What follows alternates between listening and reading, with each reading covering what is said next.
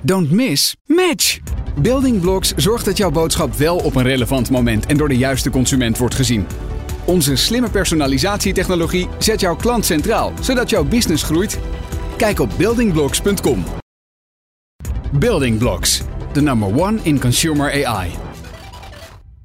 Welkom bij de Retail Trends podcast. De podcast waarin ik met opvallende retailers spreek over de retaillessen uit hun carrière.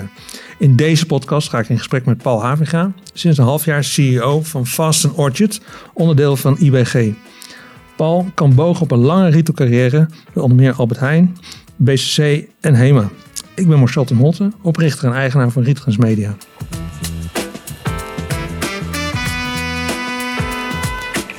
Paul, leuk jou uh, vandaag te mogen interviewen op jullie kantoor in Hoorn. Ja, uh, leuk je te ontvangen Marcel hier in Hoorn. Dankjewel, dankjewel.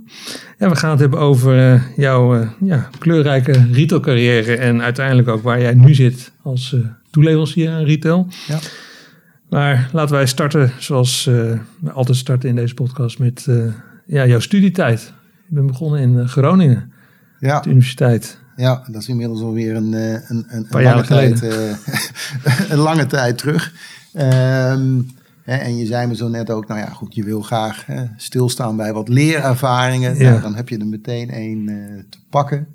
Want het klopt dat ik in, uh, in Groningen ben begonnen, maar dat was niet het oorspronkelijke doel. Ik was heel snel en relatief makkelijk uh, en goed ook mijn, mijn VWO-tijd doorgekomen. Ja. Prachtige cijferlijst achtergelaten. En Ehm, nou ja, uiteindelijk was het doel om naar Nijrode toe te gaan. En daar moet je een selectietest voor doen. En ik dacht, op basis van mijn ervaringen binnen mijn VWO-tijd, nou, dat, uh, dat varkentje, dat was ik wel even. Nou, uiteindelijk, uh, lang verhaal kort, uh, van de 700 aanmeldingen belandde ik ongeveer in die middenmoot op, op nummertje 350. Ik had me gewoon onvoldoende goed voorbereid. Mm En de eerste 150, nou ja, die werden toegelaten. Dus dat, dat was mijn eerste grote leerervaring. Dat, uh, nou ja, voor sommige dingen, en zeker als ze nieuw zijn, hè, moet je je gewoon goed voorbereiden. En uh, ja, dat had ik niet gedaan. Dus toen ben ik eerst een jaar naar Groningen gegaan. Uh, en uiteindelijk bleek dat een zegen, want ik heb een verschrikkelijk leuke tijd gehad. Je hebt daar economie gestudeerd? Economie inderdaad, ja. economie. nou, ik heb ook een van mijn beste vrienden daaraan, daaraan overgehouden. Um, en het gaf mij een enorm goede voorbereiding op het jaar daarna. Want uiteindelijk ben ik alsnog ben ik naar Nijrode toegegaan. Het tweede jaar heb ik, uh, heb ik me uitstekend voorbereid.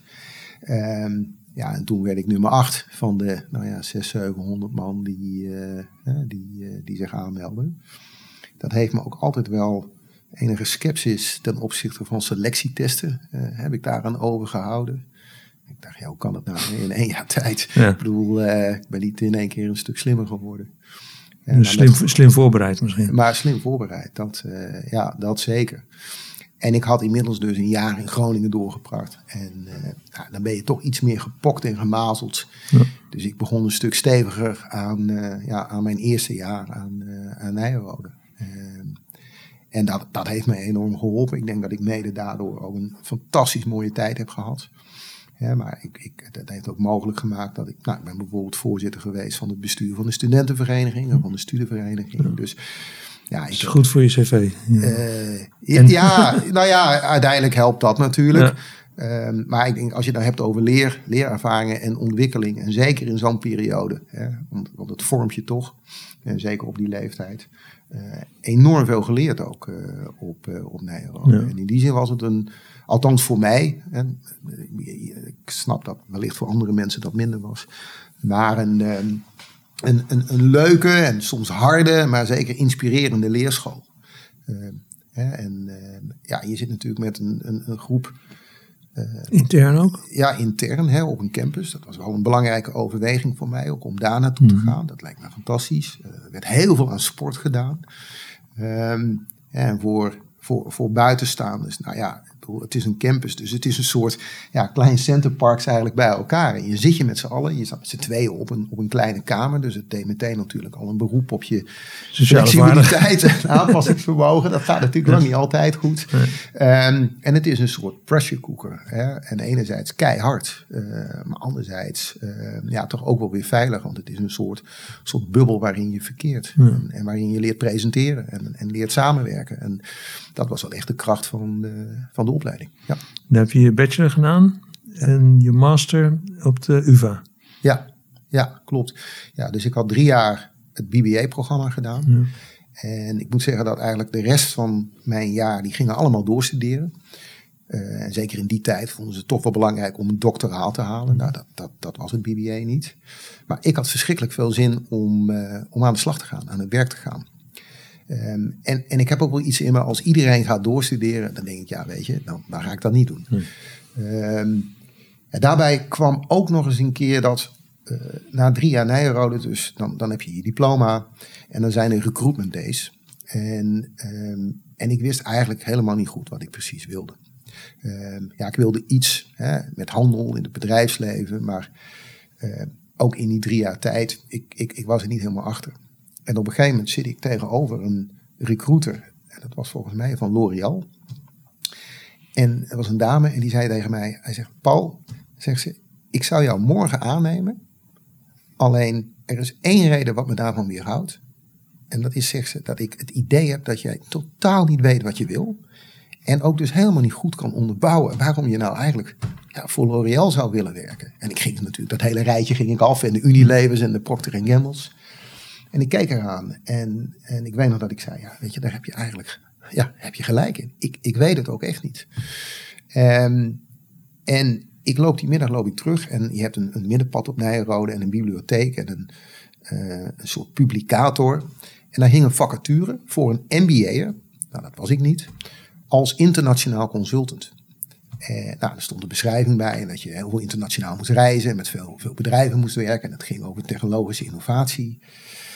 En ik bedacht me, nou weet je wat, misschien, misschien moet ik dit gewoon gaan doen. En, en ja, consulten, dus je krijgt een kijkje in de keuken van, mhm. van vele bedrijven. En, en dan zie ik wel verder. Uh, nou, dan maak ik even een lang verhaal kort. Toen ben ik gaan solliciteren, werd aangenomen tussen die, die, die MBA's. Had in één keer een, een volwaardige baan. Salaris? Uh, uitstekend salaris, uh, kan ik zeggen. Ehm, en ben ik daar toen eigenlijk aan, aan de slag gegaan. En vervolgens bedacht ik me wel. Uh, we kunnen zo meteen nog, hè, nog, nog iets verder in op, op wat ik daar moet deed. Maar vervolgens bedacht ik me wel van, ja, ik moet eigenlijk toch steeds dat doctoraal halen. Want het zal me toch niet gebeuren dat ik iets later in mijn carrière, uh, dat ik word aangesproken op het feit ja, dat ik alleen dat BBA-diploma heb en niet het doctoraal. En uh, nou, toen ben ik rond gaan kijken, wat kan ik dan gaan doen? Want ik wilde, die baan wilde ik houden. Eh, er waren vele jaargenoten van mij inclusief mijn, uh, nou, mijn latere vrouw ook, die, die deden dan internationale betrekkingen, een masteropleiding aan de UvA. En, en ik liep daar eigenlijk een half jaar op achter. En ik denk, nou weet je wat, als ik dat nou ook ga doen, dan, dan kan ik een beetje gebruik maken van ja. de aantekeningen en, en, en de kennis en ervaring die zij al opdoen. Uh, en dat heb ik ook gedaan. Dus ik heb in, in twee jaar, naast gewoon een fulltime baan, heb ik mijn master gehaald. Uh, en uh, uh, ja, had, had op die manier had uiteindelijk mijn, uh, mijn doctoraal. En met, en met, ik moet ook zeggen, veel geluk, want ik heb veel vrijstellingen gekregen. En in mijn baan als consultant in, uh, in Den Haag werd ik ingehuurd door, door Center. Dat was een agentschap van buitenlandse zaken en economische zaken. Dus ik zat eigenlijk met één been al in ja, die diplomatieke ja. wereld, die, die, die, buitenlandse handel. Want je bent ook bewust geen bedrijfskunde genoemd, geen master, geen MBA. Nee, geen MBA. Voor een MBA werd toch wel aangeraden om, om wat, wat jaren werkervaring te hebben. Ja. Nou ja, goed, ik, ik, ik, had, ik had, wat is het, één, twee jaar werkervaring. Um, ik was bovendien als BBA'er aangenomen op, een, op een functie waar ze een MBA'er. Dus ik denk, nou weet je, dat... Uh, die heb ik al binnen. Die heb ik al binnen. Hè, dat scheelt weer uh, uh, twee jaar en heel veel geld. Hè, want zo'n MBA is ook nog, um, ja, was ook nog wel duur natuurlijk. Um, en ik bedacht, nou, dat kan ik later nog wel doen. Maar ik was helemaal gefocust op, uh, ja, op, op het binnenhalen van dat uh, doctoraal. En, uh, en ik had het geluk dat ik bij de UvA in gesprek raakte met een decaan. En mijn verhaal vertelde wat ik aan het doen was en, waar ik mee bezig was hè, voor, voor buitenlandse zaken. En dat vond die decaan fantastisch. Ehm, dus ik kreeg al een aantal vrijstellingen die anderen ook kregen. Maar ik had eigenlijk mijn scriptie ook al tegelijkertijd met hem omschreven. Ja. En uh, ja, ik moet wel zeggen, ik heb nooit één college heb ik gevolgd. Uh, dat, is, dat is natuurlijk wel bijzonder. Dat, dat, nou, dan kan je wellicht ook wat vraagtekens bij de studie zelf zetten. Maar ik heb nooit één college gevolgd. Uh, maar wel in twee jaar mijn doctoraal gehaald. Dus nou ja, zodoende. En dan in 1998 Albert Heijn. Ja. Een ja. behoorlijke verandering. Ja, ja, nou ja, ik was vier jaar als, als consultant aan de slag. En uh, ik moet zeggen, ook hier weer, als je dan praat over leerervaringen, dat is toch een, een. Want je moet heel snel moet je complexe zaken doorzien, heel systematisch werken. Um, wat ik deed was dat ik innovatieprojecten en uh, het management daarachter moest, moest analyseren, moest beoordelen. En als dat goed zat, dan, uh, nou, dan werd erin geïnvesteerd. Dat was maximaal in die tijd nog in dus 3 miljoen gulden per project. Dus, en even voor de luisteraar, dus dat, dat, ik heb bijvoorbeeld een project begeleid van Heineken, en Chandon. Dus Heineken wilde de schuimkraag van, zijn, hè, van, van, van het bier zo lang mogelijk natuurlijk intact houden. En Moët Chandon, hè, van origine Frans bedrijf, had heel veel research en onderzoek gedaan op, op bubbelstructuren. Maar ik ben, ben ook in aanraking gekomen met heel veel kleine ondernemers. Uh, een ondernemer die een airbag voor een epilepsiepatiënt uh, uh, ontwikkelde. Nou, die heb ik begeleid en, en ook gefinancierd. En ik had op een gegeven moment ook een project van Albert Heijn. En die hadden een automatische schoonmaakrobot hadden ze ontwikkeld. En uh, nou, dat in die tijd, hè, de oude Heijn leefde nog. En op een gegeven moment ook in een winkel, dan een, een demonstratie. En nou ja, ik moest kijken of we daar dan uiteindelijk hadden ze, hadden ze subsidie voor aangevraagd, moesten daar dan uiteindelijk in, in investeren. En, uh, en enerzijds was het een, een, ja, ging het heel knullig allemaal. En uh, ik was natuurlijk ook wel projecten gewend waar bijna Amerikaans alles tot in de puntjes was voorbereid, maar dat was hier niet het geval. Ding liep uiteindelijk ook niet, die hele robots. Dus dat was nog meer daar paniek in de tent. Nou, toen dacht ik wel van, jeetje, dit is wel een, eigenlijk wel verschrikkelijk leuk bedrijf. Um, en ik was überhaupt ooit bedrijfskunde gaan doen, omdat ja, mijn opa die had een, een kruidenierszaak in, uh, in Groningen. En die had altijd ja, de meest fantastische verhalen over zijn klanten en over het feit dat op een gegeven moment kwam er een, voor mij was het een Fred van der Werf, ja, het merk bestaat niet meer, maar die kwam naast hem en hoe die dan uiteindelijk toch hè, de concurrentie aanging en... Um, uh, nou, en wat ik je zo strak al vertelde, ja, de rest van mijn familie zat allemaal in, in, in, in medische beroepen. Nou, dus per definitie wilde ik dat al niet. Ja. En uh, dus ik dacht, ja, nou, weet je, kruidenierszaak en, en, en uh, Albert Heijn en, en handel. En nou ja, dat, dat leek me wel wat. En het had niet veel gescheeld of ik was uiteindelijk toch nog bij Procter Gamble uh, van start gegaan. Want ik was in die tijd enorm aan het trekken. En nou, daar was ik ook wel vatbaar voor. Hè, want dan weten ze natuurlijk fantastisch mooie vergezichten ja. voor je. En ik was ook wel ambitieus. Maar uiteindelijk heeft uh, bij Albert Heijn zat een recruiter. En, uh, en, ik weet niet hoe ze heet. Ze is helaas ook veel te jong overleden. Maar die zei op een gegeven moment: Joh, Paul. In plaats van nou een traineeship, et cetera. Je hebt al een paar jaar werkervaring. Ik heb een fantastisch mooie, leuke baan voor je. Hè? Want jij houdt van reizen en je houdt van innovatie en vernieuwing. En wij zoeken een, een, een category manager of een junior category manager. Um, ja, op op kant-en-klaar, maaltijd, innovatie, conceptontwikkeling. Uh, lijkt je dat wat? En, uh, en ik dacht, ja, dat, dat, dat lijkt me fantastisch. Nou, dat was destijds Unit 7, onder leiding van Caroline Mouwens. En daar ben ik aangenomen. En, en uh, ja, ik meteen in de diepe gegooid. we hadden toen het merk Huistracteur. Nou, dat, dat, nou, we praat je over 1998, dus toen stond convenience, kan en klaar nog in de kinderschoenen. Dat huisgeteur was nog wel te eten, maar die, die drievaks bakken, nou ja, het was vooral convenience. en, uh, dus je moest er... Uh, Magneton ready? Uh, ja, zeker. Ja, ready to heat, ready to eat. En, en, en zo ben ik daar aan, aan de slag gegaan. En ja, dat was een, een schitterend mooie baan om, om mee te starten. Ja. Juist ook omdat het Albert Heijn was? Uh, daar was ik. Nou ja, ik, goede vraag. Eigenlijk moet de vraag zijn: was ik nou vatbaar voor het feit hè, dat het grote, grote Albert Heijn. Ik denk dat ik daar nog minder mee bezig was. Maar het was natuurlijk wel Albert Heijn die pionierde en ver voorop liep. Hmm. en waar ook het klantprofiel het mogelijk maakte om, nou ja, de naam zegt het al, huistrepteur. Ja, dat was toch wat exclusiever, wat luxe. Ehm, maar wat toen werd, goed werd gezien was dat het doel natuurlijk wel was. En we hadden de trend mee. Hè. Ik, bedoel, ik, bedoel, het was niet eens dubbel dit het groeien. Het, het, het groeide gigantisch. Ehm, en wat je eigenlijk ook ontwikkelde. Hoe, hoe het ook smaakte. Ja, nou smaak was dan zeker bij huis. Want we vroegen best wel wat, wat, wat geld hè, voor, voor die producten toen. Ehm, maar verhoudingsgewijs inderdaad. Hè. Uh, ja, het, het, stond, stond in de kinderschoenen en het was in ontwikkeling. En, uh, en het was verschrikkelijk leuk. Want het maakte voor. Kijk, wat ik deed was, ik, ik reisde heel veel. En ik ging heel veel naar Engeland toe. Want Tesco, Marks Spencer liep, liep, liep echt uh, mijdenver vooruit op, uh, op wat wij in Nederland aan het doen waren. Ik ging ook wel naar Frankrijk toe, maar met name Engeland. Um, ja, en dan kopieerde ik goede ideeën. En ik had een, een, een soort rechterhand, dat was Joop Wijman, dat was, hè, die was chefkok. Um, enorme vakman als het ging om, om smaken. Wat doe je dan met zo'n Tesco? Dan loop je de, uh, gewoon het vak uh, leeg, uh, leeg kopen. Ja, ja. ja gewoon, gewoon rondlopen, kijken, foto's maken, kopen, proeven. En, of op je hotelkamer. En, ja, ja en, en, en heel eerlijk, ik had vrienden bij, ja, die zaten bij aanmerkfabrikanten. En, en die waren eindeloos bezig met marktonderzoek en consumentonderzoek. Um, ja, en ik had natuurlijk, ja, ik was de jongste bediende, dus wat had ik? Nou, twee meter schap of ik weet het niet. Maar ik kon, wat ik zelf goed dacht, samen met Joop, ja, dat, dat bracht ik gewoon op het schap. En als het liep, had je goed gedaan.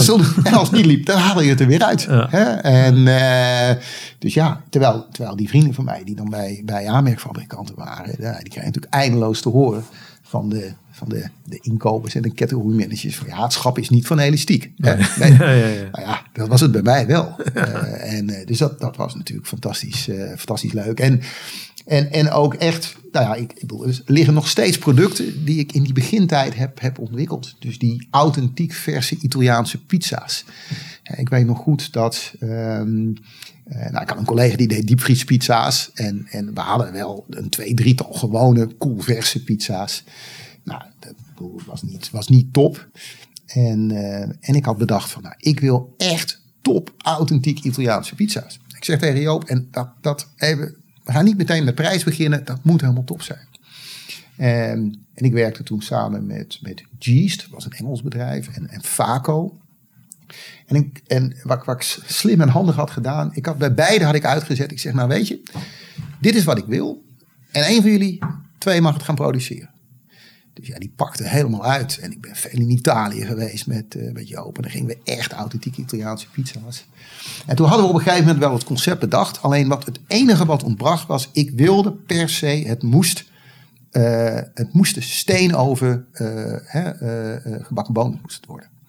En, en we kwamen maar niet bij een productiefaciliteit uit. En, en dus uiteindelijk kreeg ik te horen, ja, dat kan niet. Omdat dat de authenticiteit uitstraalde? Ja. En, uh, maar ik wist dat het moest kunnen. Ja. En als iemand tegen mij zegt, ja, het kan niet, dan, uh, dan, dan, dan, dan triggert hij, dan begin ik pas. ik zeg, kan wel. Ik zeg, en anders krijg je het niet. Dus we gaan het doen. En uh, nou, uiteindelijk hebben we een, een, een, een Italiaanse chefkok in Nederland gevonden. Die, die wist weer ergens een, een klein fabriekje. Zijn we naartoe gegaan. Prachtig mooi, op hout gestookte oven steenoven. Er stonden gewoon dames die, die pizzabonen stonden daar te draaien. En, en dat is toen voor de bodem geworden. Ja, voor Albert Heijn. Uiteindelijk voor, uh, voor Albert Heijn. Ja. En toen had ik alleen nog een issue'tje met de prijs. Want uh, ik denk dat het toen ook nog in guldens was. Toen, toen kwam ik uit op 14,95. Nou, wat ik deed was, ik zette het altijd uit bij wat collega's. En dan zei ik, nou, vind je het lekker smaken? Hè? En wat vind je van de prijs? Nou, dus ik werd op, op die prijs werd ik afgemaakt. Mm. En toen dacht ik, maakt me niks uit. Ik ga het toch doen. Breng het, uh, breng het erin. Mooie, mooie doos eromheen. Mooi stukje uh, extra vierge olijfolie. Uh, ik wilde gegroend, gegrilde groenten erop. Heb ik allemaal gedaan. En het leuke is, die pizza's die liggen nog steeds in het, ja. in het schap. Hè? Ja. En, dus dat, dat, ja, dat, is, dat is verschrikkelijk leuk. Ja, mag ik trots op zijn. Ja, ja. ja dat vind ik. Ja, was een hele mooie baan. Ja.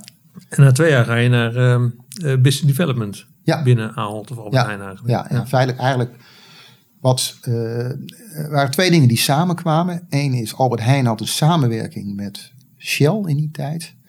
Uh, hè, met, met Shell stations. En nou ja, kort samengevat, dat was geen groot succes. En de reden was eigenlijk dat in die tijd, wat had Albert Heijn gedaan? Een, hè, een grote supermarkt pakken en dan eigenlijk de kleinste metrages een beetje aanpassen. Nou, en, en dat was dan... Schuif het erin. Schuif het erin. Ja. Nou, dat sloeg, dat, dat, dat, sloot natuurlijk niet aan bij de wensen van de klant. Uh, dus dat was geen succesvol uh, uh, concept. En inmiddels had ik in Engeland had ik heel veel concepten gezien. Pret à manger, Eats, uh, Marks Spencer had een convenience store, Tesco natuurlijk. En, en ja, zag ik dat dat was één groot succes. Uh, ook fantastisch leuke uh, prijzen natuurlijk, dus, dus hoge marges. Je had wel toplocaties nodig. En ja, aldoende, al praten, kwamen we eigenlijk op het idee van... joh, zou je nou niet echt een nieuwe formule hè, van de baas op moeten bouwen... Wat veel meer gericht is ook op echt directe consumptie. Dus veel meer de, de concurrentie aangaat met horeca. Ehm, en daar zijn we toen eigenlijk mee begonnen. Daar kregen we groen licht voor. Ehm, gelukkig in de tijd nog voor het, het aaldebakel. Want daarna waren dit soort ja, nieuwe initiatieven en, en uitspattingen uh, waren een, een, een tijdje mm. wat, uh, wat minder. En zo zijn we met Albert Heijn go gestart. Ja. En hoe, hoe ontwikkelt dat? Dan, hè, dan heb je dat idee, je komt met dat idee bij de directie. En, en hoe pakken jullie het op? Want het is, het is een groot succes geworden. Ja. Maar hoe, hoe lang duurde dat? Eh, kun je daar iets Hoe lang duurde dat? Ik denk dat we in die tijd voor Albert Heijn begrippen relatief snel het hebben ontwikkeld. Kijk, het goede was, we hadden een, een klein team samengesteld. Uh, maar dat was eigenlijk nog, nog, nog niets. Uh, en met name niet op op die directe consumptie. Dus mijn taak werd het om ja, nieuwe concepten, producten te bedenken ehm, die, ehm, eh, nou, die eigenlijk voor in de winkel konden, voor het, directe consumptieschap. En dan had ik een collega die deed datzelfde, dat was Robert, uh, samen met Geeske Burenma in die tijd, die, die, die uh, het warme gedeelte deden. Hè, dat, dat moest natuurlijk ook iets rondom warme snacks, et cetera. Um, ja, en, en, en letterlijk begin je dan met een, met een soort blanco papier. We hadden de naam nog niet eens. Hè. Die is pas later gekomen, hmm. Albert Heijn To Go. En, en ik heb er bijvoorbeeld zelf heel erg op gehamerd dat ik zei, dat was ook nieuw voor Albert Heijn. Uiteindelijk de, het, het design van de winkel en de look en feel van de winkel moeten we doorvertalen in, in het hele verpakkingsconcept. Want anders krijg je weer een soort kleine supermarkt. Uh, hè, en, en, met name in Engeland en Pret Manger Eats deden natuurlijk fantastisch. Um, ja, en dan, en dan begin je. En, en dat is letterlijk pionieren. Dus op zoek gaan naar, naar, naar leveranciers. Die, uh, ja, sommigen hadden al, al, al concepten die we konden gebruiken. Maar over het algemeen was dat niet het geval. Het punt was natuurlijk dat er zat eigenlijk niemand op jou te wachten. Want je, kon, je had helemaal geen volume te bieden. Ehm, dus daar ja, heb ik wel op, op uh, de, de, de, naam Albert Heijn. Uh, kon ik in ieder geval binnenkomen bij een aantal uh, partijen. En, en, en wel een leuke anekdote. Ik, ik, ik zag in Engeland bijvoorbeeld, het is nu niet meer voor te stellen, maar smoothies kwamen daarop. Dat was Innocent, er waren twee jongens, oud consultants. En die hadden dat daar geïntroduceerd. En ik denk, ja, die, die wil ik ook hebben. Dus ik heb, ik, ik heb een afspraak gemaakt met die jongens. En ik wilde dat eigenlijk naar Nederland halen. Daar waren zij nog niet klaar voor, voor die export.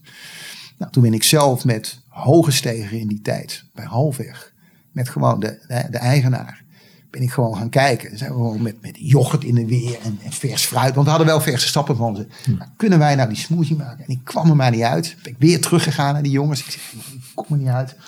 Ja, de crux was uiteindelijk dat je bananenpulp moest maken, uh, moest gebruiken.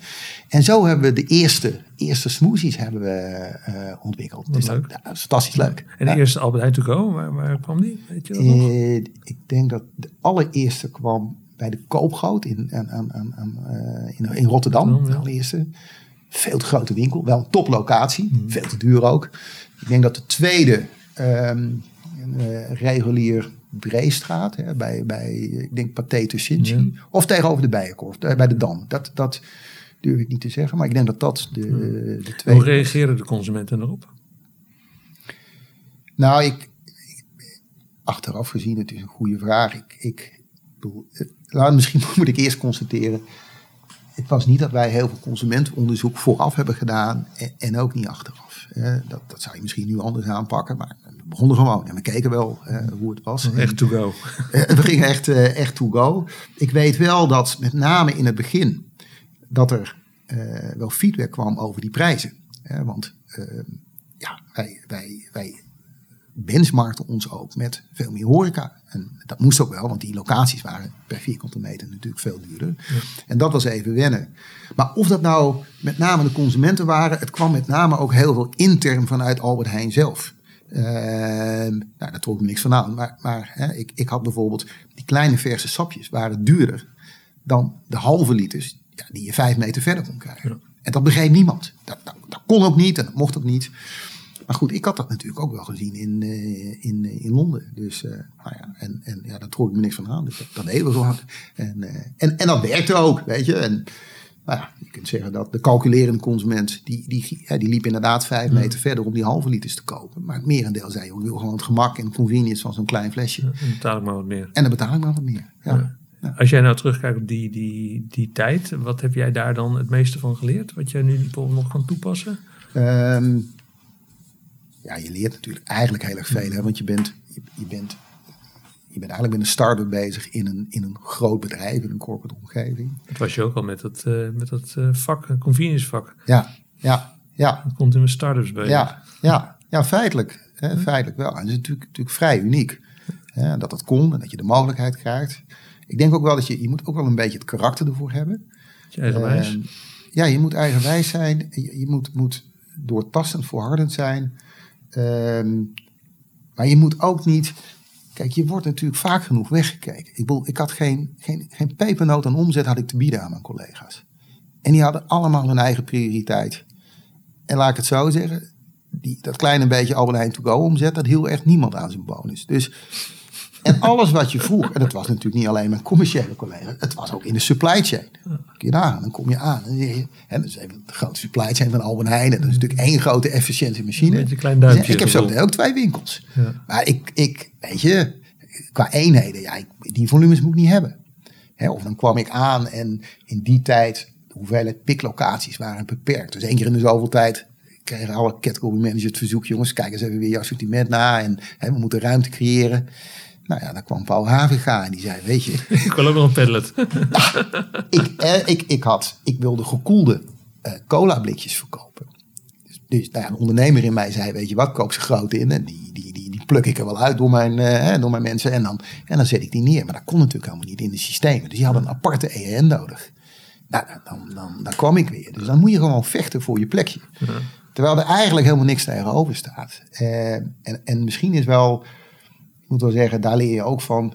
Uh, het, het, was ook zo dat ik moest vier keer bij iemand naar binnen lopen en vier keer weggestuurd worden. Maar dan moet je die vijfde keer nog steeds natuurlijk met een bepaalde glimlach naar binnen lopen. Ik bedoel, terwijl ik natuurlijk dacht van, joh, eikel, nu wordt het wel tijd dat je wel eens voor mij aan de slag gaat. Maar ja, je weet één ding en je hebt geen enkele formele invloed. Ik moet ook zeggen, daar heb ik ook geleerd dat intern onderhandelen veel lastiger is dan onderhandelen met anderen. Alle onderhandelingen die ik met derden moest doen waren nou, ik zou bijna zeggen, relatief een eitje vergeleken met intern onderhandelen. Ja. Um, dus, maar je moet er ook lol in hebben en af en toe door muren heen gaan. Um, wat het me ook gebracht heeft, was dat ik in een hele korte tijd dat hele bedrijf van voor tot achter uh, natuurlijk kende. Want ik had te maken met supply chain, ik had te maken met commercie, ik had te maken met marketing, ik had te maken met vastgoed, juridische zaken. Hè. Ik wilde bepaalde uh, namen, nou dat smoothie bijvoorbeeld wilde ik ook, ook hè, dat wil ik gewoon um, hè, laten vastleggen. Wel grappig als kleine anekdote. Dat kwam een, iemand van juridische zaken vol enthousiasme bij me terug. Want ga maar eens googlen op smoothie, ook al in die tijd. Nou, dan krijg je alles behalve het, uh, het, het, product smoothie. En, maar het, was, het, het, het is in die zin een, een, een leerschool die, um, ja, die maakt dat je in korte tijd inzicht krijgt in alle processen binnen het grote Robert Heijn. En, en ook gewoon een intern netwerk opbouwen. Uh, en dat was verschrikkelijk leuk. Mm. Ja, ja. Dat heb je twee jaar gedaan. En dan in 2002 word je commercial director van Albert.nl. Albert.nl, ja, ja, klopt. Wat nu dan AH.nl is. Ja, ja, en daarvoor was het James Taylor Super. Oh, ja. uh, als je nog weer, weer verder in de tijd teruggaat. Ja, dus mijn... Um, nou, in die tijd, überhaupt, hè, online was, was belangrijk. Kees van Hoeven zat er nog was enorme druk van buiten om ook iets te doen met, uh, met online. Ik denk dat we 2002 praten. Ja. Dat was het jaar waarin Bertelsman uh, bol.com verkocht. Ja. Ik denk dat achteraf iemand daar ook nog hè, zijn haren uit zijn hoofd moet hebben getrokken. Maar goed, uh, rond die tijd was het. Um, en nou, om dan toch even weer in pionierswerk en start-ups, scale-ups. Er was een eerste begin gemaakt met Albert.nl. Maar het geld spoot eruit, de verkeerde kant op. En nou ja, kort samengevat, ze hadden het, het, het zittende management hadden ze eraf gehaald. Mijn toenmalige leidinggevende baas, dat was Hans Blom, die, die hadden ze directeur gemaakt van Albert.nl. En die zei tegen mij, joh Paul, ik wil dat jij meekomt als, als, als, als commercieel manager, commercieel directeur. En uh, met als opdracht, weet ik nog heel goed, volgens mij was het, was het kort samengevat, ja, er moest orde op zaken gesteld worden. Uh, nou, we hadden toen een, een, een, een klein kantoor in, uh, bij Etels in Beverwijk, boven het DC. John van Hens zat er toen. Ja. Nou, dan hadden wij wat, wat, wat kamers. En ja, dat was de begintijd van, van, ja, van online. en, en niemand wist natuurlijk echt iets van online. Ik heb daar nog softwareontwikkelaars gezien die gewoon het studieboek op hun schoot hadden om, om uiteindelijk die website te, HTTP. te Ja, ja, exact.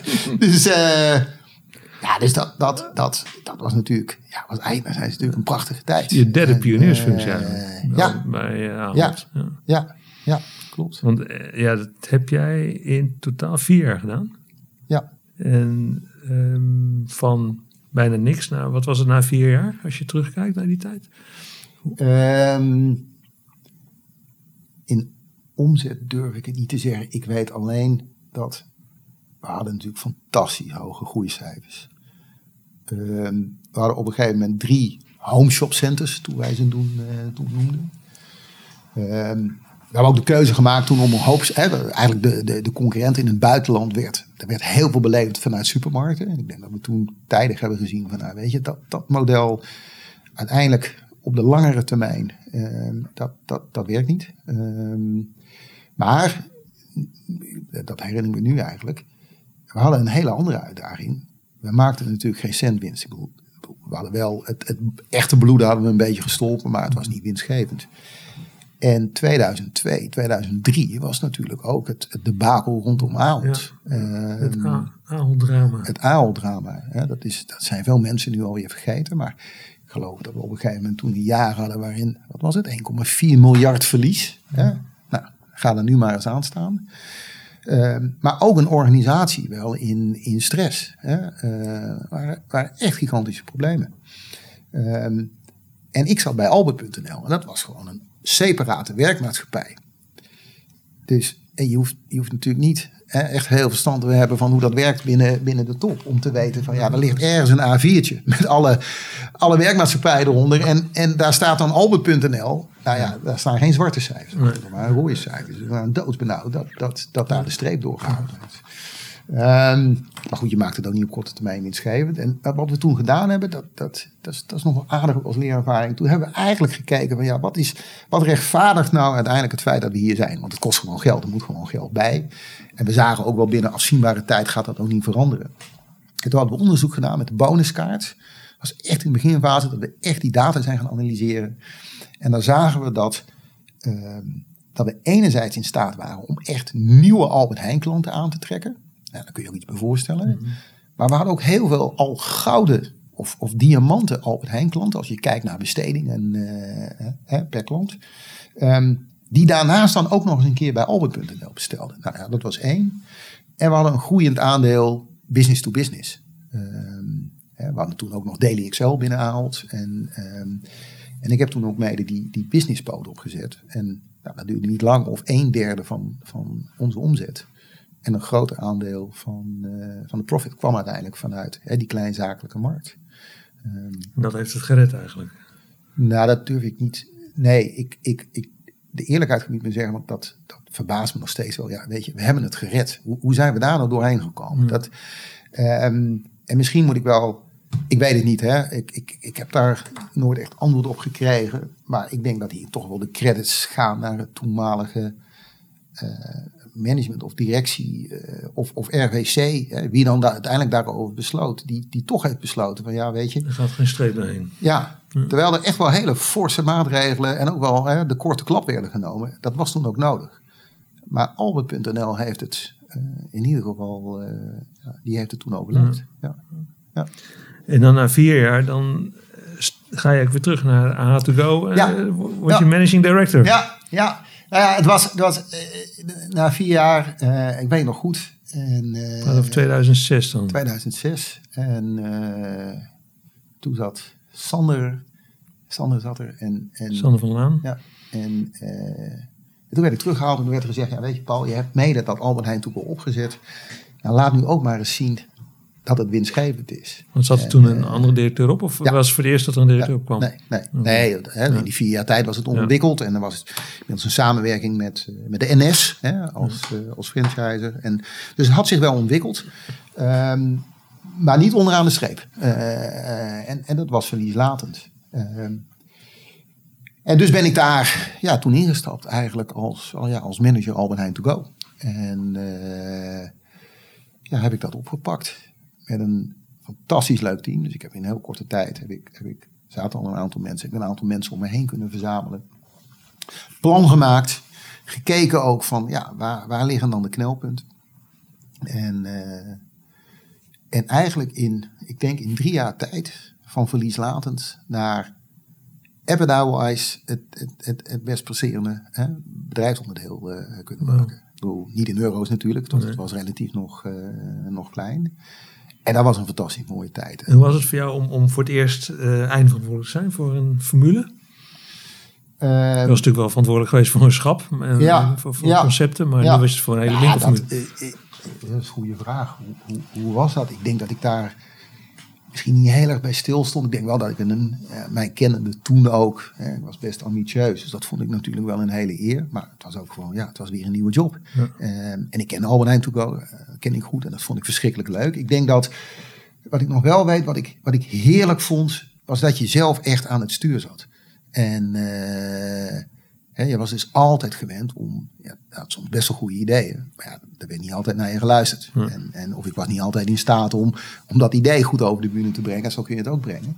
En in één keer zat je zelf achter het stuur. En, uh, en, en nou ja, goed, hè, inmiddels heb je al een beetje door dat, dat, ja, dat, dat stuur, dat pak ik dan ook wel. Ja. En uh, dat vind ik ook leuk. En dan ga ik gewoon, gewoon met mijn team ga ik, hè, ga ik mijn eigen ding doen. En dat kon ook. En dat was denk ik ook nog eens een keer mijn geluk. Want er waren binnen Albert Heijn allerlei uh, processen, systemen, overlegorganen uh, uh, waren er ingezet. We hadden het FDC, het Former Development Committee. En je had voor vastgoed had je dan. En daar kon ik mij op een gegeven moment overal aan onttrekken. en ik, ik, ik moet, ik denk Sander ook, achteraf ook de credits geven, dat liet hij ook toe. dat kon ook, want we waren relatief klein. Maar ik ging gewoon lekker mijn eigen gang. En ook omdat ik wist van ja, en kijk, uiteindelijk Albert Heijn To Go was nog klein, moest zich ook nog bewijzen. Uh, dat was, was zeker geen uitgezaakt, uh, uit, uh, uitgemaakte zaak dat, nou ja, dat, dat Albert Heijn To Go in die tijd gecontinueerd zou, ja. zou worden. Moest eerst maar eens bewijzen. Dat Kwamen toen al concurrenten op van collega supermarkten? was je nog uh, enige speler? Nou, niet, niet zozeer denk ik supermarkten, maar het concurrentieveld Hema, waarin we opereerden. Uh, wellicht. Uh, maar was natuurlijk eigenlijk het hele omveld van ja, op A1-locaties uh, in, in, in, in binnensteden. Ja. En de concurrent was niet zozeer de andere supermarkt. De concurrent was nou ja, de horecagelegenheid of, of, of, de foodservice ja. broodjeszaak tien meter verderop. Ja. Um, dat, was, dat was veel meer je... je de bakkenbarts van deze wereld, bijvoorbeeld. Bijvoorbeeld, ja, ja, ja zeker. Ja. ja.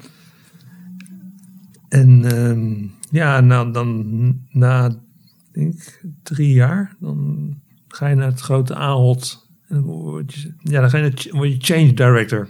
Ja. En vice president expansion. expansion. Ja, ja, ja, dat zie je meteen. Nou, als, je, als, je, ja, dan komen er hele mooie, komen echt mooie termen. Dat was ja. misschien ook wel in die tijd hoor. Dan, dan uh, kreeg je steeds meer Engelse termen. En, ja. Uh, nou ja, uh, flauw gezegd, je was al snel ergens VP van. Ja, hè? En, uh, ik ben al wel tegengekomen in deze podcast. dus, ehm, maar goed, um, ja, toen hebben ze op een gegeven moment, of ze, ik, ik weet nog dat, um, het was volgens mij Pieter van Loon, een oud, oud Albert Corrivé, een hartstikke leuke kerel. En die, die was bezig met een project en hij was gevraagd om, nou, laat ik het kort samenvatten, hij, er moesten een aantal processen moesten er binnen Albert Heijn geoptimaliseerd worden. En een ervan was dat er liepen heel veel projecten En de directie die klaagde eigenlijk dat ze geen goed overzicht hadden over welke projecten lopen nou. Ehm, die zagen ook dat er veel overlap was tussen projecten. Nou, uh, financieel management van die projecten. Hè, dat, dat, nou ja, daar viel ook wel wat op aan te merken.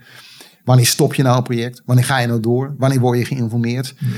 Uh, ja, gek genoeg, hoe professioneel dat bedrijf ook was, dat, dat zat gewoon niet goed. Was dit onder het regime van Dick Boer op ja, dat moment? Ja, ja, ja. En uh, dus, uh, nou, dus op een gegeven moment heeft hij, heeft hij aan mij gevraagd van, joh, weet je, ehm, ja, wil jij dat? Toen Pieter ging toen met, uiteindelijk met, uh, met pensioen, die had redelijk zijn, zijn tanden erop stuk gebeten. Ehm, en ik had inmiddels ik, ik, zag Pieter en, en af en toe hè, uh, spraken we wel eens. Ik dacht, jeetje, wat een draak van een project mm. is hij mee bezig. En verdomd, Pieter die gaat met pensioen. En, uh, en die komt bij mij. Hij zegt, joh Paul, wil jij dat project over, overnemen?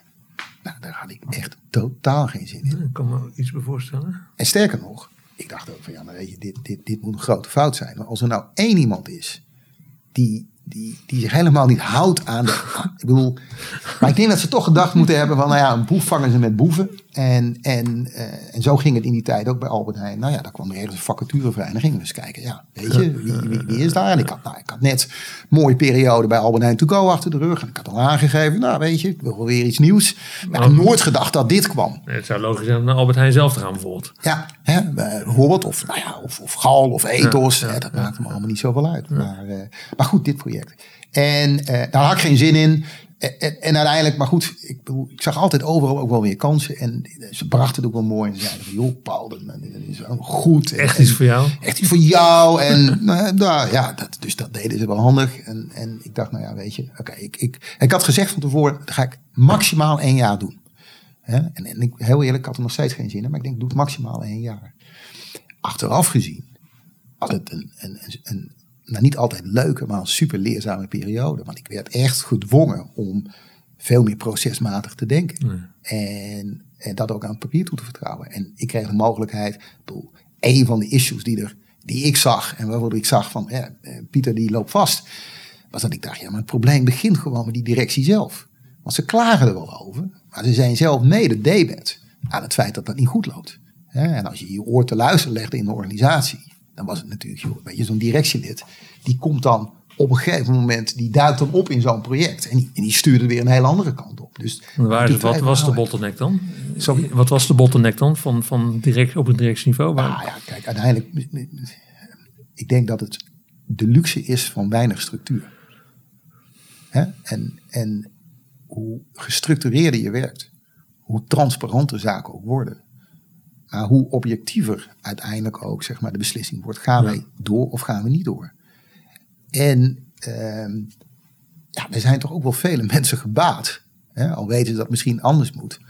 Ja, bij het feit dat je, dat, je, dat je toch wat flexibiliteit hebt. Dat je wat kunt sturen. Of dat je een eigen project kan opstarten. Terwijl er misschien op een ander gebied hè, iemand ook al aan de slag is. Uh, dus ik hoop niet dat dat te negatief overkomt. Maar dat, dat, dat speelde wel degelijk mee. Ja, en uh, nou ja, goed. En, en, en kennen mijn papa Heimers, dat wisten ze zelf natuurlijk ook wel. Dus ik bedacht me één ding. Ik moet een, een proces maken. En, en zo had ik het ook met Dick afgesproken. En dan moeten die directieleden die moeten uiteindelijk hun handtekening zetten onder dit proces. Ik zeg, anders lukt het nooit.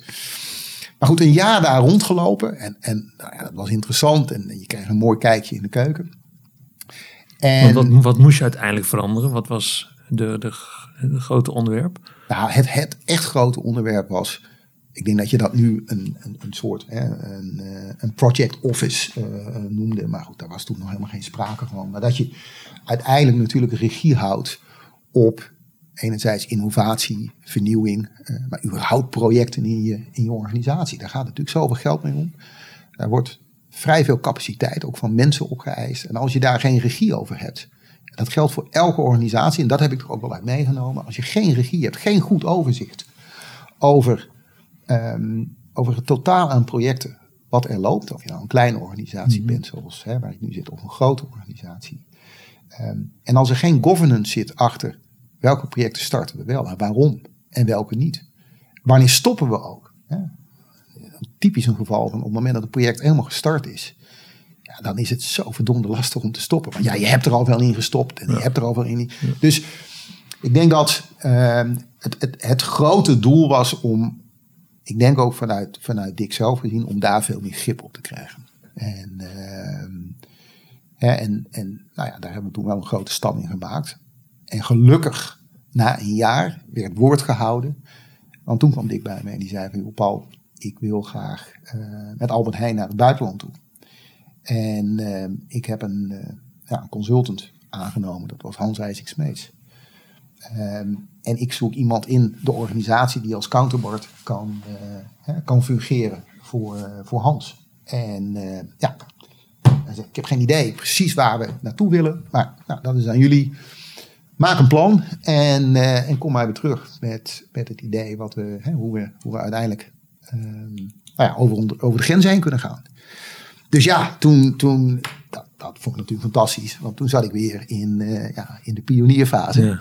En, uh, en ook weer een hele leuke tijd ja. om, om letterlijk ja, eigenlijk weer met een blanco sheet aan, uh, aan de slag te gaan. Ja. Een beetje jouw, jouw specialiteit. Gewoon echt ja, achteraf. pionieren. En, ja. ja. Maar ik moet wel zeggen, het, was, het is heel eerlijk het is altijd geluk geweest dat dat op mijn pad kwam. Hmm. Het was niet dat ik, en dat zou natuurlijk een mooi verhaal zijn, dat ik, dat ik een neus zou hebben voor, joh, daar moet ik zitten. Nee, het, het, het voelt toch een beetje, het overkwam me.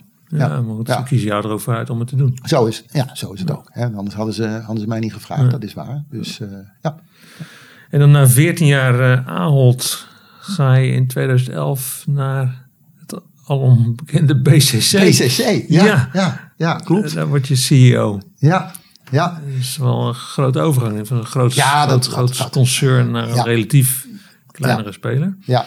Onder het Frans regime inmiddels. Ja, ja het was de, uh, ja, de Darty groep. Ja. En uh, dus een, een, Franse holding, maar genoteerd aan uh, de beurs van Londen. Uh, dus wel een internationaal bedrijf, zat er denk ik toen in, in negen landen. Was uh, FNAC daar ook eigendom van? Toen nog niet. Toen nee, later. Nee, dat is, dat is later uh, gekomen. nee, het was oorspronkelijk was het, dat is voor de echt oudere luisteraars, was het Keza. dus was Kingfisher. Ja, Kingfisher, ja. ja, ja.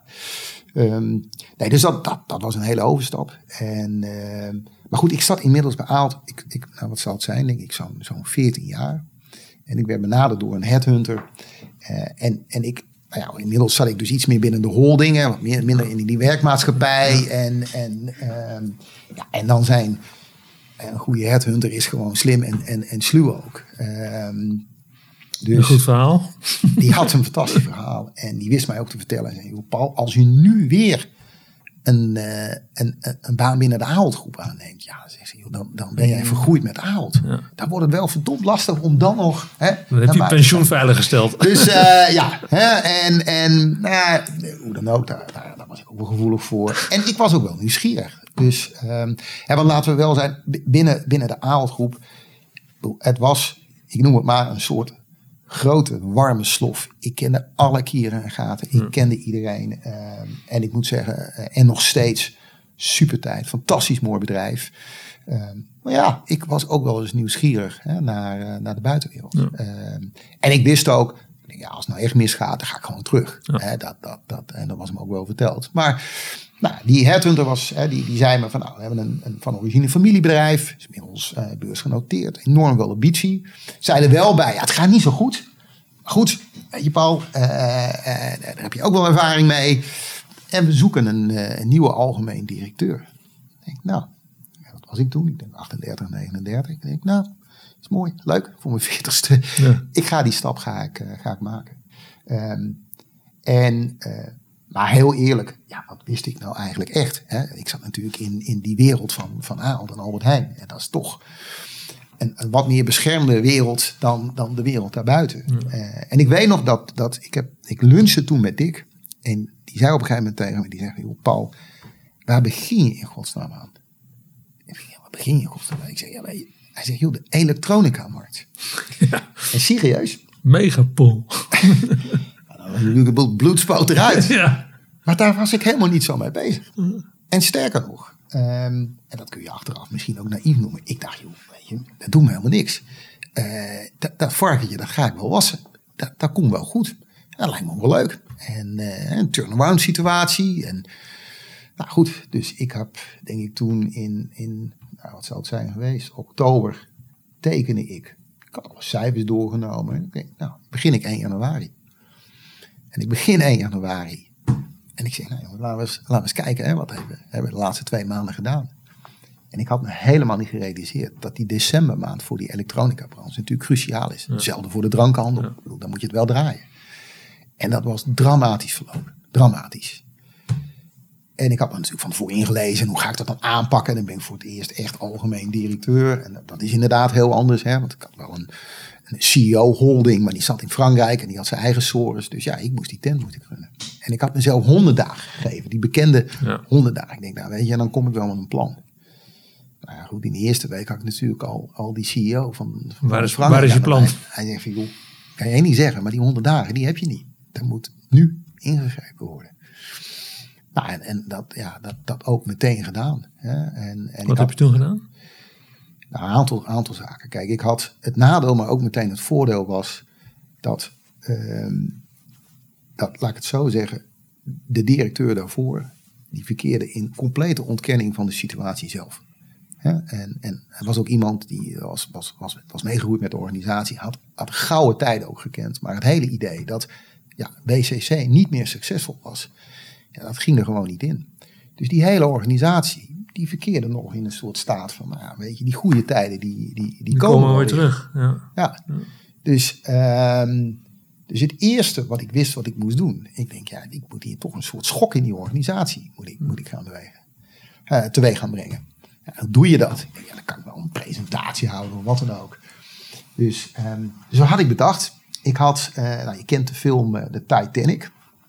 En daar, daar, daar, daar zit een stuk in waarin dat, dat orkest, Gaan doorspelen. terwijl boot ja. aan het zingen, die, die speelde nog door.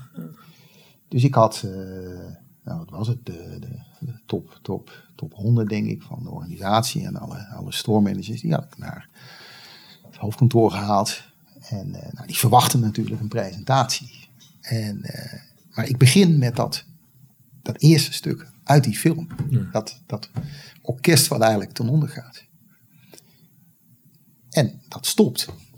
En het was compleet stil. Honderd man die me zaten aan te kijken in een soort, soort deels shock. Hè, want sommigen voelden mij al natuurlijk aan. Anderen ook, joh, wat, wat is dit voor gast? Ja. En ik vertel dus natuurlijk, ik zeg, joh, jullie zijn dit orkest op de Titanic. Ja. Ik zeg, je bent aan het doorspelen, maar je gaat gewoon ten onder. Nou, dus dat, dat hielp wel, laat ik het zo zeggen. Ja. Nou, en vervolgens moest je direct, en dat kon ook. Kijk, uiteindelijk hebben we drie hele grote ontslagrondes moeten doen en heel fors moeten, moeten, moeten snijden. Maar die, die eerste ronde en ook het snijden in kosten, ja, weet je, dat was nog nooit gedaan. Dus dat, dat, uh, dat ging goed. En daar heb ik wel geleerd dat een aantal kleine, relatief kleine maatregelen die je neemt, hè, die zijn symbolisch van hele grote waarde. Hè, dus dus ja, iedereen had een mobiele telefoon en dat heb je ook in een elektronica bedrijf. Dus ik denk dat ik van twee derde van de mensen heb ik gewoon de telefoon ingenomen. Nou weet je, je kunt, je kunt overal aankomen. Maar niet er zijn twee dingen je niet aan, auto. De, niet aan de telefoon en niet aan de auto. Nee. He, dus, um, en, um, um, dus, Het was niet het meest geliefde op dat moment binnen het bedrijf. Nee, nee, nee. En, en ik, weet, ik weet ook nog goed dat op een gegeven moment, ik was aangekondigd door die, door die, door die Franse CEO. En we hadden dan uh, een dinertje met het, met het directieteam. Er zaten zes man in. En ik had van tevoren al gehoord, nou, die, die, die dineetjes, daar worden altijd de meest dure wijnen worden daar besteld. En, uh, en ik denk dat een aantal van die directieleden, en zeker mijn voormalige financiële man, die, die zal nu beginnen te lachen, maar dat deed hij toen niet. Dus op een gegeven moment zitten we naar een tafel en, en wordt er een fles wijn besteld. Dus die ober die neemt die, die wijn op. En ik zeg, ik steek mijn vinger op, ik zeg, kom eens hier, laat, laat, eens even, laat eens even zien, wat is er besteld? We zitten nou met z'n allen aan tafel. En ik kijk mijn directieteam aan. En ik zeg tegen die ober, ik zeg, dat doen we niet. Ik zeg, we nemen de huiswijn.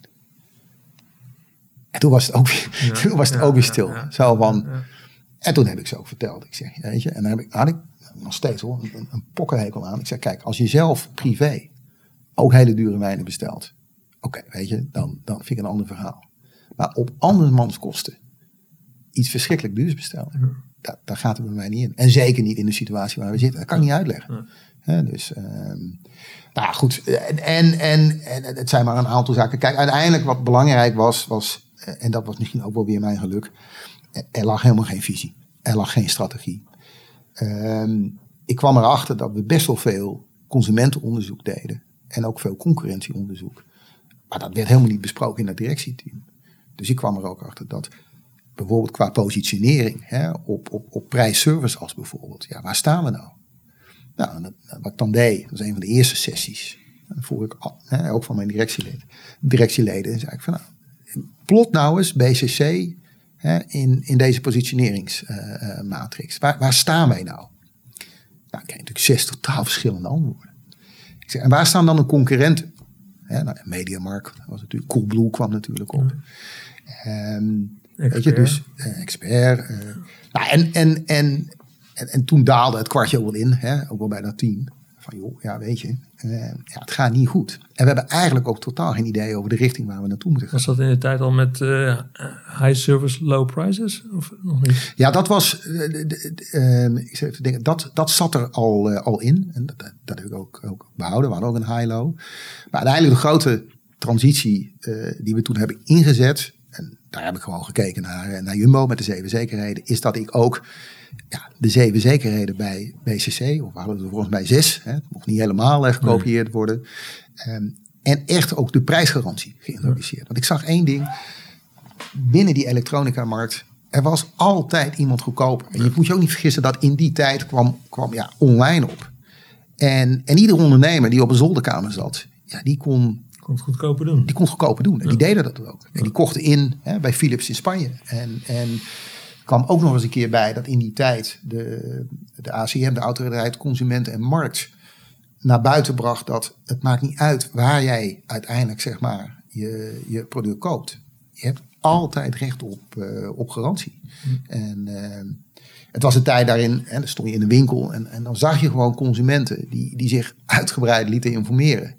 En dan kwam de smartphone erbij. En dan zeiden ze van ja, luisteren, dat is hartstikke mooi. Maar ik kan het hier en hier voor deze prijs krijgen. Druk op de dus, knop en ik heb hem. Druk op de knop en ik, uh, ik heb hem. Dus dat was een bloedbad. En ik, toen ik startte, uh, ik denk dat we toen zo'n zo'n 16 verschillende retailmerken hadden in de elektronica. En, en toen ik, nou ja, wat is het, bijna vier jaar daarna vertrok, was er nog een handje vol. Ja. dus dat is echt een, een groot bloedblad uh, geweest. En, uh, Kreeg je hem winstgevend nee, in jouw tijd? Nee, nee. nee, En ik moet ook zeggen dat um, twee dingen waar wij mee te maken hadden was uh, niet alleen natuurlijk die, die online spelers. Je, je, je, je, sprak over, wat zal het zijn, een mixmarge van zo'n zo'n 19 à 20 procent hè, in de mix. Je had heel veel producten waar je helemaal niks op verdiende. Apple producten bijvoorbeeld. Hè. Je mag blij zijn als je het mocht verkopen. Um, uh, maar los daarvan was Mediamarkt. En, um, en de strategie van Mediamarkt, die had drie keer per jaar had die btw-vrije dagen. Nou ja, dan, dan, dan, dan, dan spoot het bloed eruit bij iedereen, ook bij Mediamarkt. Ja. ja, het is natuurlijk wel de, de tactiek van de verschroeide aarde. Hè? En, en misschien komen we daar straks nog op. Überhaupt op, ja, ja, ja. hè, maar als je, als je überhaupt kijkt naar retail en, en de impact ook van de Zalando's van deze wereld. Hè, of of nieuwe, nieuwe businessmodellen. Waar, waar Disruptors. Echt, ja, maar daar gaan, daar gaan natuurlijk soms honderden miljoenen achteraan. Hè, wordt wel gefinancierd. Maar goed, bedoel, je zal maar ondernemer zijn. Je hebt er wel mee te maken. Ehm, dus het was survival of the fittest. Hè? Overleef het of, of, overleef je niet. En, en, als je maar lang genoeg kan volhouden, ja, dan druk je langzamerhand steeds meer partijen uit de markt. En dat was, uh, daar was sprake van.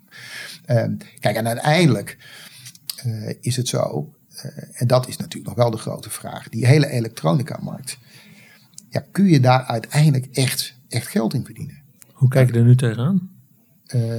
eigenlijk nog hetzelfde als toen.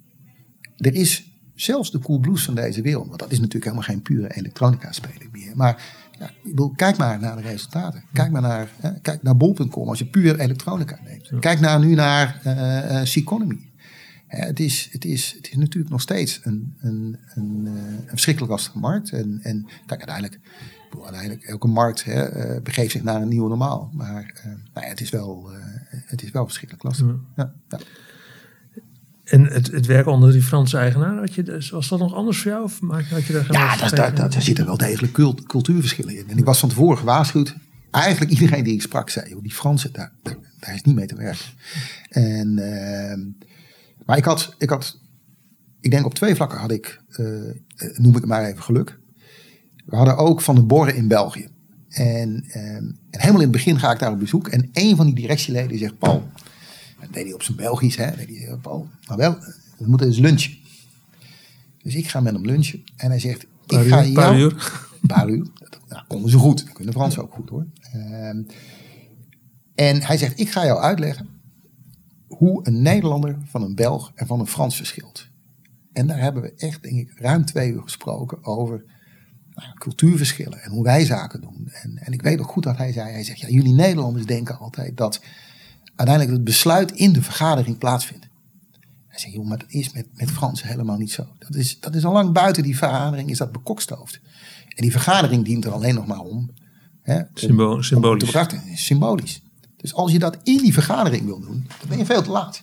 Ja. nou, dus zo zijn er een aantal zaken die je, die je moet hebben. Ja, en de Fransen zijn veel hiërarchischer. En, en het tweede geluk was dat ik, ik had, uh, hij heette Thierry Falco Pierrotin. Dat was een op- en top Fransman. Hè, met alle plussen en minnen. Maar uh, ik kon het gewoon heel goed met hem vinden. Hij had mij ook aangenomen, dat, dat scheelde ook. Hè, dat, zeker bij Fransen scheelde dat. Ja. Um, was, dus, geen, was geen foute beslissing? Dat kon hij zich niet veroorloven? Nee, nee, nee, zeker niet. Nee, hè? Dus ik bedoel, kijk, ik denk dat hij er natuurlijk een, uh, een potje van maakt. Maar nee, zo, zo werkt dat niet. Daar zit dan ook meteen een stukje een stukje loyaliteit ja, uh, uh, zit daarin. En, maar goed, hij is helaas, is, is, kijk, hij sneuvelde op een gegeven moment. Ehm, we zaten in negen landen. Er kwam een activistische aandeelhouder in. Dat was eigenlijk mijn eerste keer dat ik met. Het was niet eens eigenlijk private equity. Het was, het was, het was, het was een, een ja, agressieve aandeelhouder die, die het idee had om, om, om de keten verder op te knippen. En nou ja, de RVC sneuvelde en hij sneuvelde ook.